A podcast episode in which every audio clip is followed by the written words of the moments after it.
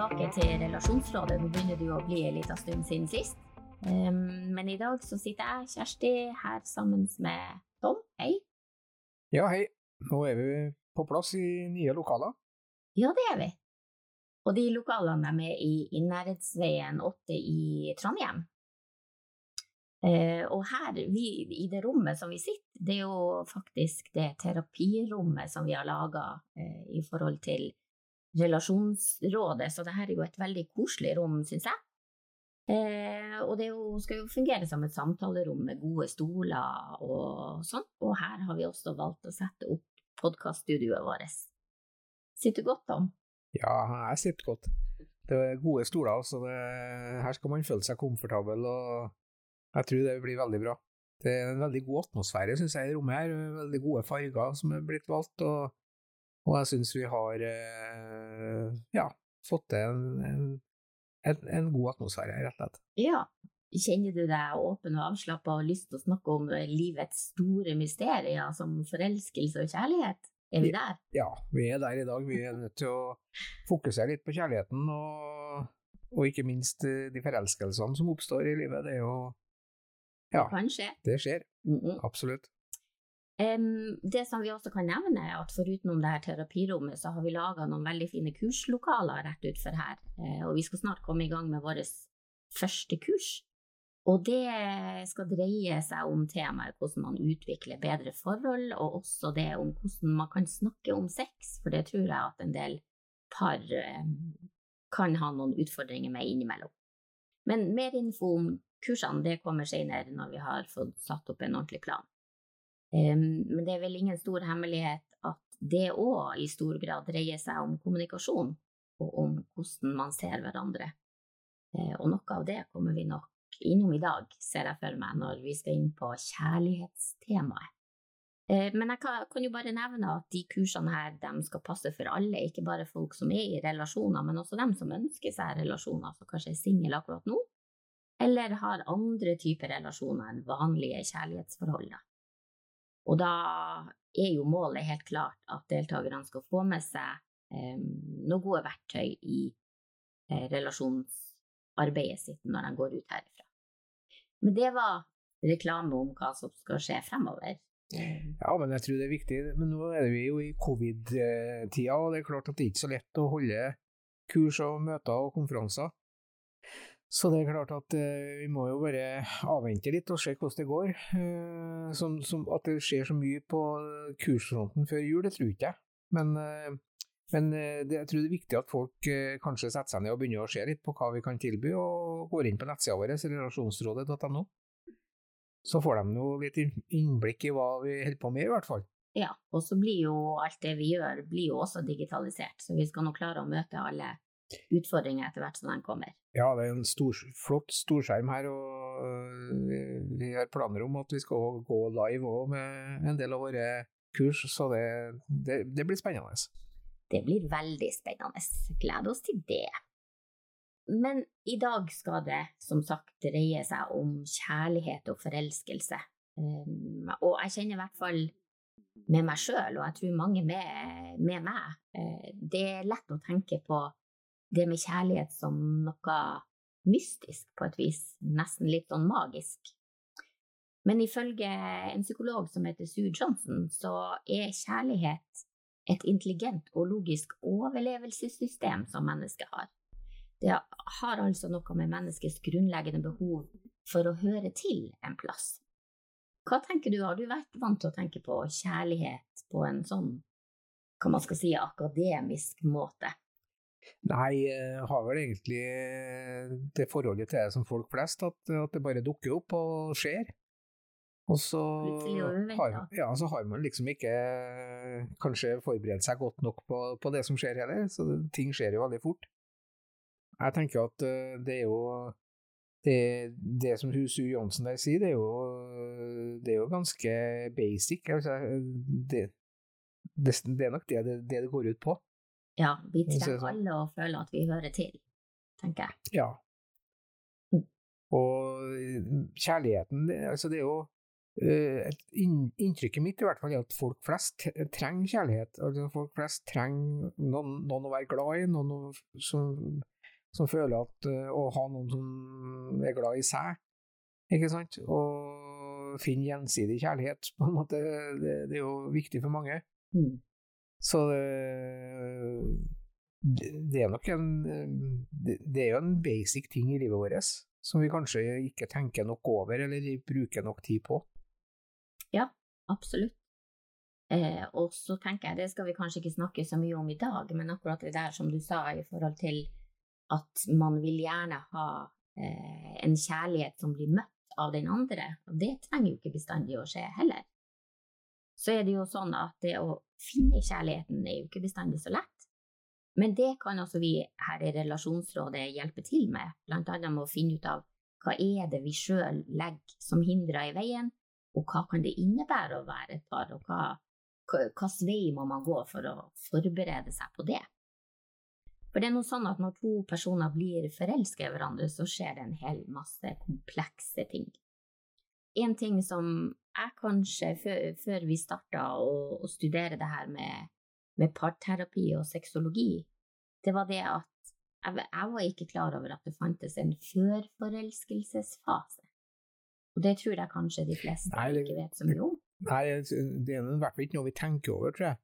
Selv om man kanskje har følt på det, men uh, det, er, det, er, jo først når den stormende forelskelsen slår ut i full blomst at man, uh, at man definerer det som en forelskelse. Ja, når noen kommer så, og slår fotene under uh, kroppen på ja. deg så du ramler. Ja. Men den forelskelsesfasen, veldig vanskelig ord, eh, det er en forutsetning for å bli forelska, og psykolog Sissel Gran har skrevet en del om det her. Og det er jo en fase som kan være både bevisst og ubevisst, men egentlig så er det en individuell prosess eh, som preges av at man setter seg sjøl eh, klar for endringen, altså en en slags mørningsprosess for å bli forelska, for å kunne åpne seg for forelskelsen. Og den kan pågå ganske lenge før du møter noen som du blir forelska i. Og som sagt, det kan være helt ubevisst, men så er det også noen som beskriver det som et eh, konkret savn. Eh, man lengter etter noen å være sammen med, eh, eller om så noen kan føle et begjær for å føle seg levende igjen hvis man har vært alene, eksempel, en god stund. Ja, av og til så, så, får jeg et inntrykk av at folk eh, kanskje slår av den knappen, eh, slår av og på, sånn av og på-knapp.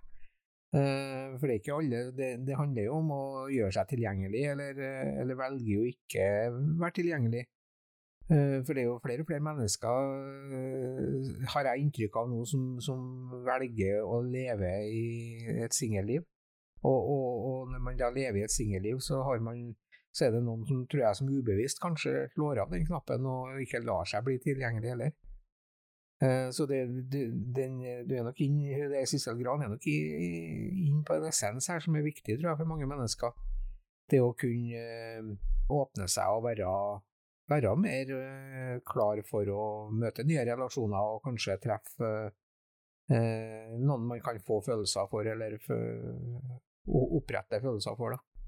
Ja, og så er det jo også sånn at samfunnet har jo endra seg såpass mye at vi er ikke avhengig av å være i den type kjærlighetsrelasjoner heller lenger. Så det er jo en del mennesker som velger å leve som singel, og så har de kanskje partnere eh, av mer eller mindre fast grad som man treffer utenom, men at man velger å leve livet sitt alene. Det er jo også helt inn. Ja, jeg ser jo utviklinga Eh, de senere årene i hvert fall vil jeg si at jeg har sett utviklinga på at folk har valgt den livsformen. Og, den tradisjonelle parlivsformen eh, er jo mer og mer eh, skifta ut med den type relasjoner. og og spesielt mye, jeg ser jo yngre generasjoner som vokser opp, de er jo mye mer åpne for alternative eh, forhold. Og da tror jeg vi òg snakker om mer alternative følelsesforhold i, som dukker opp underveis. Mm. Og at man legger andre ting i de følelsesforholdene enn man gjorde for 20-30 år siden, eh, når foreldrene våre, eller når vi etablerte våre første forhold. Så tror jeg vi hadde som tanke at vi skulle forholde oss til den personen vi ble forelska i, og leve livet, livet ut med, med, den personen, liksom. den eneste Og så har det vist seg underveis, nå er jeg blitt 55 snart, og vist seg underveis at man både forelsker seg og, og mister kjærligheten og forelsker seg på nytt. Og, så det, det, skjer jo ting gjennom livet som gjør at man eh, at, at, det ikke stemmer helt med det man trodde var utgangspunktet. da. Det er sant. Og, og eh, følelsesgreiene tenker jeg er det, er det er noe som vi bare må ta på alvor. Altså vi må jobbe med det, og vi må uh, la oss bli revet med, tenker jeg, når man først uh, er, lever og, og, har muligheten. Husker du din første forelskelse? Ja, det husker jeg. Jeg husker den. Det var, det var jo som Det var på ungdomsskolen, eller barneskolen, da, egentlig, kan man godt si. Ble veldig forelska i ei som gikk i klassen min. Hvordan gikk det? Det gikk ikke så bra. Jeg fikk aldri eh, blitt kjæresten hennes, og, og hun eh, var nok eh, var ikke interessert i meg, for å si det sånn. Virka det som, da. I hvert fall så Men veldig, jeg husker jeg var veldig, veldig forelska i henne. Ja. Jeg husker jeg var også forelska i en som gikk i klassen min på barne- og ungdomsskolen. Det her tror jeg var i femte-sjette klasse eller noe sånt. Eh, og etter at jeg hadde vært veldig forelska i han over det som jeg kan huske nå som veldig, veldig lang tid, jeg vet ikke hvor lang tid det var, så ble vi sammen, og det varte i nøyaktig ei uke. så bytta han meg ut med noen andre, så det gikk ikke så bra, det heller. Nei, Nei da, det er klart at uh, i, ettertid så kan man jo godt si at det, man, man, kan jo fort bli litt forundra og litt ettertenksom på hva, hva man forelsker seg i òg. For det er klart at den første forelskelsen som Jeg tror ikke det hadde blitt min beste mate, for å si det sånn. Eh, I hvert fall ikke sånn som jeg kan se i ettertid, så tror ikke jeg det hadde funka likevel. Men, men, det er jo noe man forelsker seg i. Eh, noe man eh, finner interesse i og nysgjerrighet i, og, og, ja. Og det er jo ikke dermed sagt at det, det varer eh, så lenge. Det kan dukke opp nye sider ved det menneskene, og det kan dukke opp ting som gjør at ikke det klaffer, og at ikke det stemmer med den følelsen og den opplevelsen man først fikk.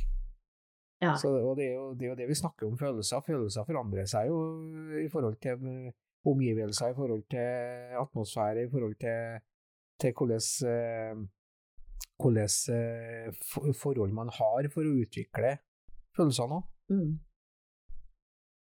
Altså både litt hva man har lært hjemmefra, og ikke minst alle de hormonene tenker jeg, som settes i sving når man begynner å nærme seg pubertet og alt det der. Det er mye rart som skjer. Ja, og det er klart at i, i ungdomsårene så er, så er, man jo mer impulsiv, og det skjer jo mye mer eh, at man tar valg uten å ha den store livserfaringa, uten å ha, ha, den, eh, ha, ha opplevd og eh, erfart, kan du si. Og det er klart at uh, jeg kan jo flire mye av det, hvordan man oppførte seg, hvordan man gjorde ting når man var yngre. Det er jo greit å sitte her som 50-åring og mimre og humre over det, men, men det er klart at for dere som er lyttere her, så er det kanskje greit å få høre at det, det, det, ting forandrer seg jo i løpet av livet. og og det, man, kanskje blir man mer fornuftig, eller kanskje blir man mer ufornuftig. Jeg vet ikke hvordan man skal definere det. Det er litt hvordan man, øynene, øynene som ser, skal jeg si. Men, men, det er klart at uh, ut, fra, ut, fra, det man erfarer etter hvert, så tror jeg man kanskje velger, velger bort følelser og velger bort kanskje forelskelser og velger bort uh, mennesker fordi, fordi, fordi. Og det er jo der vi er inne på det med for man har jo erfart at den store forelskelsen har endt opp i både galskap og gærne ting, ikke sant. Så, så, så man er kanskje litt mer føre var og er litt mer eh, gjennomtenkt på, på, før man går løs på, på, nye følelsesforhold og nye forelskelser, liksom. Ja, men jeg tenker man kan aldri bli helt fornuftig rundt det heller, fordi at forelskelse i seg sjøl er jo litt ufornuft og galskap. Det, og det blir jo veldig Når man nå først blir forelska, så er det jo veldig altoppslukende. Eh, men det kan også føre til at man blir mer kreativ. Eh, og det kan også hemme deg i det du gjør, for at det tar opp så mye av av eh, eh, tankene og følelsene og det man, man, går rundt og kjenner på i løpet av en dag. Så jeg, jeg tror at selve forelskelsen er jo ikke bare godt, men det kan gjøre litt vondt også. I hvert fall når den er i en litt sånn usikker fase, kanskje. Ja, det er nok sikkert. Men eh, en ting som jeg tror vi skal ta inn i, i samtalen her òg, det, det, er jo liksom det med det med seksualiteten og det med hormoner, følelser, altså eh, det som, ting som skjer i kroppen.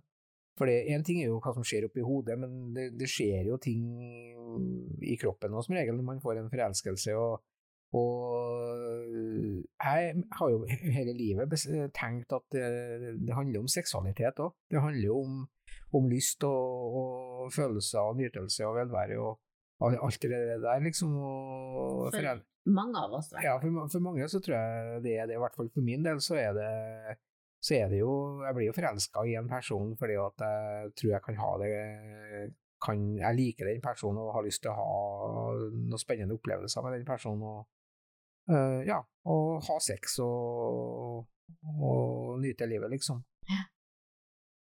Så det gjør inn på det med hva som skjer i kroppen når man blir forelska. Det handler jo om uh, både adrenalin og dopamin og jeg vet ikke jeg har ikke satt meg inn i alle de der eh, eh cocktailmiksene av forskjellige eh, ting som skjer i kroppen, men i hvert fall så er det mye som skjer, og eh, ja Du tenker du?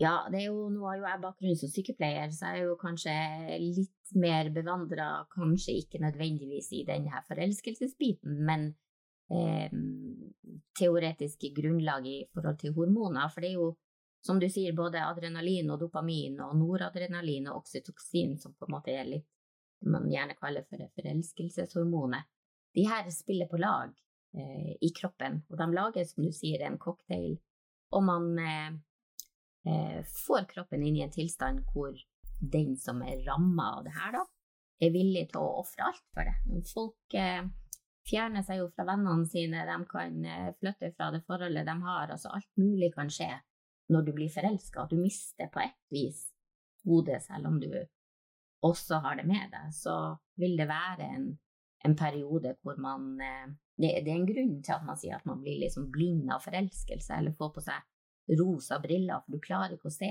virkeligheten helt som den er. Nei, men jeg tror kanskje det er viktig at vi menneskene gjør det av og til òg. At ikke vi er for uh, forutinntatt eller for, uh, for uh, styrt på det, det, som skal skje i livet, liksom. Ja. Jeg er i hvert fall der jeg, jeg har liksom hatt den livsholdninga at man tar det som det kommer. på en måte, og, og det, det, er jo et rush, en rus, på et vis. Ja, det er jo det. Og jeg husker jo da jeg ble forelska i deg.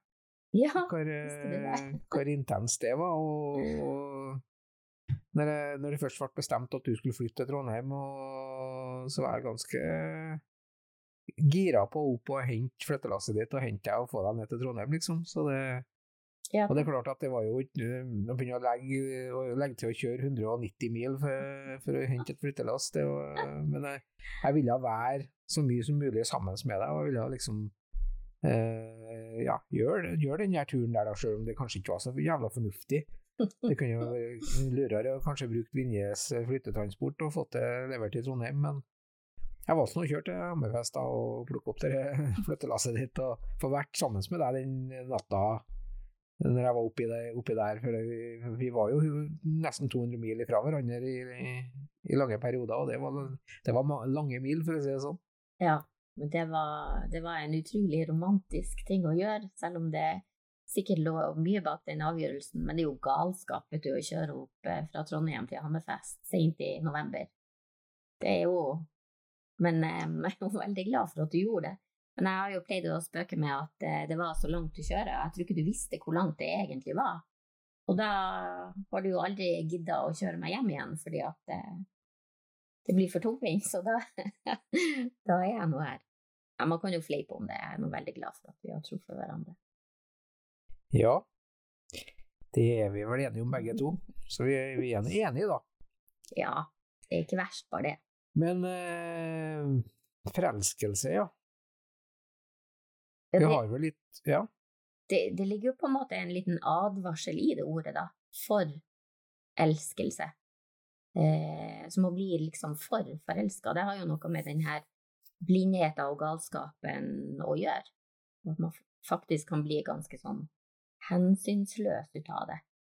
Og jeg, jeg vet jo med meg sjøl i, eh, i, tidligere forhold som eh, eh, man kan se i ettertid eh, kanskje var problematisk over lang tid, som man egentlig gjorde seg klar for noe annet. Og når jeg da eh, hadde ved et par anledninger hvor jeg forelska meg i noen andre mens jeg var på tur ut av et forhold, og da, da ble jeg ganske hensynsløs og egoistisk ut av det. Du går på en måte inn i ei sånn litt eh, blind boble som gjør at man ikke bestandig tenker så veldig klart. Nei, men Mennesker flest er vel seg sjøl nærmest, skulle jeg si. Og det, og det, er klart man tenker jo først og fremst på, på sitt eget ve og vel. Og, og jeg tror veldig mange mennesker eh, er mer styrt av eh, det følelseslivet sitt enn hva de tror. Mm. Og tenker ikke så mye over det, kanskje. Men så i ettertid så kan man jo sitte og se på det og tenke over det at ja, nei, det var noe det, var noe det, det som skjedde, og jeg gjorde nå det. Og, ja, og det, og det, hvis man liksom skal se på det litt sånn utenfra, så kan jeg jo tenke det, men jeg har jo, jeg har jo aldri angra på det. Det har jeg jo ikke gjort. Og jeg tenker jo det å um, Jeg lever jo litt sånn etter uh, å følge hjertet. Um, og det tror jeg jo, i hvert fall for meg, er, er, viktigere enn å følge fornuften bestandig. For at det har ført meg til kanskje både nye og uventa plasser i livet. Og jeg tror jo aldri at jeg hadde kan man si, tort å flytte ned til Trondheim, eksempel, når vi traff hverandre, hvis ikke det var en sånn hjertefølelse om at det var rett. Ja. For fornuftsmessig sett så kan det jo diskuteres. I hvert fall sånn sett fra kanskje andre sitt ståsted, i forhold til hvem du er og din forhistorie og alt det. Jo da, det er klart. Det er klart at det er jo eh, man, eh, når, man, når man kommer inn i en sånn forelskelsessfære, så er det jo Eh, som vi sa innledningsvis, eh, mye fornuft som ikke, som ikke følger med på kjøpet. Men eh, vi, vi har jo Og så var det jo det vi var inne på tidligere her med det med overlevelsesinstinkt, og det, hun har veldig rett i det. At det handler jo om at vi, vi tenker jo relasjoner, vi tenker jo forhold. Mm. Og, og hvordan, det skal fungere framover, og hvordan det skal fungere sammen med det mennesket man blir forelska i. Eller de menneskene man eventuelt blir forelska i, tenker jeg. Så det er, jo, det, det, er jo, det er jo, en viss form for fornufttanke inni bildet her òg. Jeg vil ikke si at det er helt tankeløst, det folk gjør. Eh, jeg tror folk flest eh, vurderer litt att og fram om, om man skal tillate seg å, å, gå for en forelskelse eller ikke. Liksom. Og da, da er det, eh, tror jeg det er en del faktorer som spiller inn til folk. Jeg tror det er en del faktorer som må være på plass for at man skal kunne tørre å la den forelskelsen eh, eh, bli eh, kraftigere og heftigere og, og, bra, kan du si. da. Mm. Det er sant, men jeg tror jo òg at hvis man putter for mye fornuft inn i det, og skal vurdere for uh, utenfra og inn, for å si det sånn, så, så, tror jeg jo også man kan risikere at man på et eller annet tidspunkt i livet tenker oi, hvordan kunne det ha blitt hvis jeg hadde satt på der, og hvorfor gjorde jeg ikke det? Ja. Og så er det jo det med hvor, hvor lenge varer en sånn forelskelse, da? For at man opplever, man ser jo det at det er en del mennesker som, eh, som lever hele livet sammen. Og så ser man jo folk som bare henger sammen i en, ei uke eller to eller tre, og så plutselig så er det, ja, de ikke sammen noe mer. Mm. Det, så, så um, hva er det som, som er limet i en forelskelse? Hva er det som gjør at uh, forelskelsen vedvarer, eller at man får det til å fungere? Tenker jeg. Det er ja. kanskje litt viktig å komme inn litt på. Mm. Nå er det vel sånn teoretisk når man snakker om en forelskelse, altså før man på en måte kommer dit at man har etablert et tryggere forhold, og man sier at forelskelsen går over i en type kjærlighet, eh, så er det jo, det er jo litt eh, eh, forskjellige meninger om det, men jeg har hørt alltid fra seks måneder til, til to år at man er i en forelskelsesfase. Og da Ja. eh, Det var jo litt fascinerende å se det programmet til Jan Thomas der. Eh, Vi fulgte jo med på det litt, eh, husker jeg. Ja, når han Og- fant seg kjæreste. Fant seg kjæreste der, ja. Og det, det er klart at det er jo ganske intensivt og ganske spesielt da, å skal ha, få så mye inntrykk og så mye følelser og så mye muligheter som han hadde i det programmet. Eh, Da blir det vanskelig, så- for da er du nødt også å bruke noe fornuft oppi Ja, det her. ja, ja, ja, klart det. Men, men eh, Og det er jo ingen som, som kanskje regna med at han skulle finne den store kjærligheten, det ser jo nesten ut som at han har gjort det. Ja. Og det er jo ganske godt gjort, da, egentlig, i en sånn setting, tenker jeg, da. Det er, jeg ble litt glad ut av det. Det er litt sånn godt å vite at det faktisk funker. Ja, ja, det, det er sant. Men nå er det jo faktisk så mye som 11% som blir sånn type forelska ved første blikk.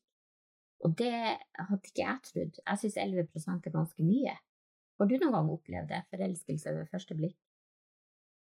Ja, jeg skulle til å si det var jo egentlig Nei, forelskelse ved første blikk, kanskje ikke. Det er vel kanskje Det har du kanskje rett i. Eh, man innbiller seg kanskje at man forelsker seg i en person ved første blikk, men, det, det, er jo, det er jo en forfase der, som du sier. Jo, men det kan jo, det kan jo Ja, skje. Altså. ja, jo, jo, det er jo Men eh, jeg, jeg, jeg er nok der at jeg trenger litt tid.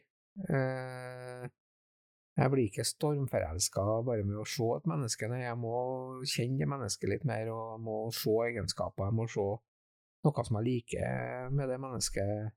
I, over, over litt lengre periode, liksom. Nei, det gikk nå ganske fort med meg og det, da. Jo, jo, men eh, det, vi òg brukte jo en del tid på nett og satt og prata og ble mer kjent. Og, for det handler jo litt om personlig kjemi, altså hvordan man hvordan, hvordan, man, eh, hvordan verdier man har, og hva, hvordan interesser man har, og hva, hva man Mm. kan finne, finne av felles ting.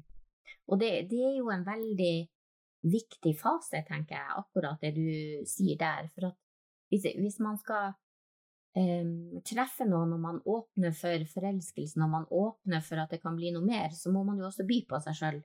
Man er nødt til å kunne dele um, litt mer inngående i forhold til hvem man er, og for å fortelle kanskje også de tingene som ikke er så bra. Så man må, man må åpne seg for den potensielle kommende kjæresten, da. Ja, og jeg tror at kursene som vi skal kjøre i gang her nå, vi har jo snakka en del om det tidligere, men, men jeg tror det er viktig at de kursene inneholder en del eh, eh, budskap om det med å kunne få til gode samtaler, få til åpenhet, få til ærlighet, få til, få til en fortrolighet i alle relasjoner. Ikke, ikke nødvendigvis bare i et parforhold, men også i relasjoner rundt seg. At man styrker styrke båndene og styrke kommunikasjon. Eh, Jeg tror nok at vi kommer til å gjenta oss mye på det med kommunikasjon, men kommunikasjon tror jeg er viktig, altså. Ja. Og, og det, å, det å ha en bevissthet rundt det med kommunikasjon i forhold til eh, både forelskelsesfase, kjærlighetsfase og ja.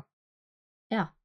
Og så, så vet vi jo eh, av erfaring at på, på et eller annet tidspunkt så er det veldig mange par som slutter å kommunisere. Men det skal vi jo komme inn på seinere. Altså at når man liksom er ferdig med den her første, man har danna et eller annet forhold, så går man videre, og så slutter man å snakke om ting.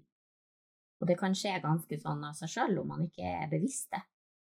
Ja, og det trasige som skjer i en del forhold, det tenker jeg, det er jo det at når man slutter å kommunisere, eller slutter å ha de- den, den, eh, den eh, samme connection som han hadde i forelskelsesfasen, kan du si, så blir jo hverdagen veldig, veldig eh, monoton, da. Ja. Og så detter bort ofte det med den tenninga og spenninga og sexen og og nysgjerrigheten og lysta og det som, som kanskje var utgangspunktet for den store forelskelsen. Mm. Og det er jo der mange tror jeg havner i eh, det, det er to ting som påvirker folk i dag. Det er tidsklemma, som, som jeg tror vi skal snakke om i, i, i en podkast eller to. Eh, og, og, så er det jo det med, med det å, å, gå inn i rutinehverdagen og, og, det å, å kanskje glemme, glemme, den der eh, ja, kjærligheten, ja. forelskelsen, tenninga, spenninga. Mm. Og det må jo jobbes med, sant? Ja. Hvis ikke så forsvinner det jo. Men min erfaring er jo at man kan leve veldig lenge, og kanskje også hele livet, med i hvert fall en følelse av forelskelse. Om forelskelsen er gått over til, til kjærlighet, så, så, kan man jo fortsatt holde på tenninga og spenninga og de gode tingene gjennom at man er litt sånn bevisst, også i forhold til um, Ja, hvis, hvis, vi tenker på oss, for eksempel. Um, jeg tenker jo ofte på de tingene som gjorde at jeg ble forelska i deg i første omgang, og prøver liksom å se alle de, de positive tingene i relasjonen vår i hverdagen. Og det er jo med på å opprettholde en sånn forelskelsesfølelse, eller i hvert fall en, en litt mer sånn bevisst type kjærlighet, kan man kanskje kalle det for. Ja, og det er vel en grunn til at vi, vi sier til hverandre at jeg elsker deg. Det er, jo, det er jo, noe man sier. Det, men det kan fort også bare bli ord? Det kan fort bli ord, men, men jeg føler at jeg, at jeg, mener det. Jeg, jeg føler, at jeg, jeg, føler at, at jeg, sier det fordi at jeg vil si det. Og at jeg, Enda godt. Ja, liksom, så det er jo det er jo uh, viktig, tror jeg, å minne hverandre på det at man faktisk òg elsker mm. hverandre og er glad i hverandre og bryr seg om hverandre. og Mm. Og bekrefte den kjærligheten og den, eh, som, som oppsto ved den forelskelsen, da, kanskje. Ja. Og det er jo noe som jeg tror vi skal passe på å ta vare på. Det å bry seg med hverandre og se hverandre og ja. ja. Og da, hvis man gjør det, så tror jeg man får så mye mer med på kjøpet òg. Mm. Så, så det ja, ja. Så er det jo Jeg bare kom på det er jo en del eh, folk som jeg har vært borti, som går inn i relasjoner, har vært storm, stormforelska og alt det, og så på et eller annet tidspunkt så blir noen av Jeg har noe erfaring med det sjøl når jeg tenker meg om, men så, så, blir noen av de tingene man har forelska seg det blir sånn irritasjonsmomenter i ettertid. At man begynner liksom å irritere seg over den andre i stedet for å og klarer å ta vare på de gode tingene. Ja da, men det er klart det er jo, det er jo noen personer som man etter hvert som man treffer på, som, finner, som man finner ut at nei, fanken, det der er, det, det er en person jeg overhodet ikke har noe, noe, noe mye til felles med allikevel. Og da har kanskje forelskelsen gått over? Ja da, jeg, hadde jo et, jeg har et godt eksempel her på forelskelse. Jeg fikk en veldig brå forelskelse eh, for en del år tilbake, og eh, lenge før jeg traff deg, men, men som, som, endte opp i eh, at jeg rett og slett eh, starta å mislike den personen, og, og ville ikke, fikk en dårlig følelse når jeg var hjemme og var, var i, mm. i omgivelser med vedkommende, fordi hun skapte en negativ følelse rundt seg, liksom.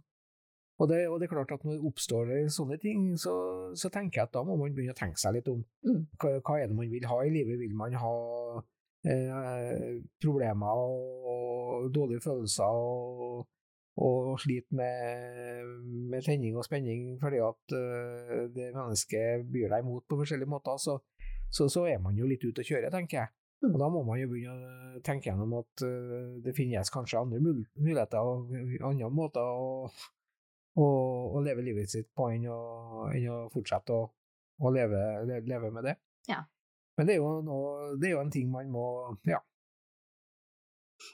Så er det jo sånn at det er jo ikke alle relasjoner man skal være i eller bør være i.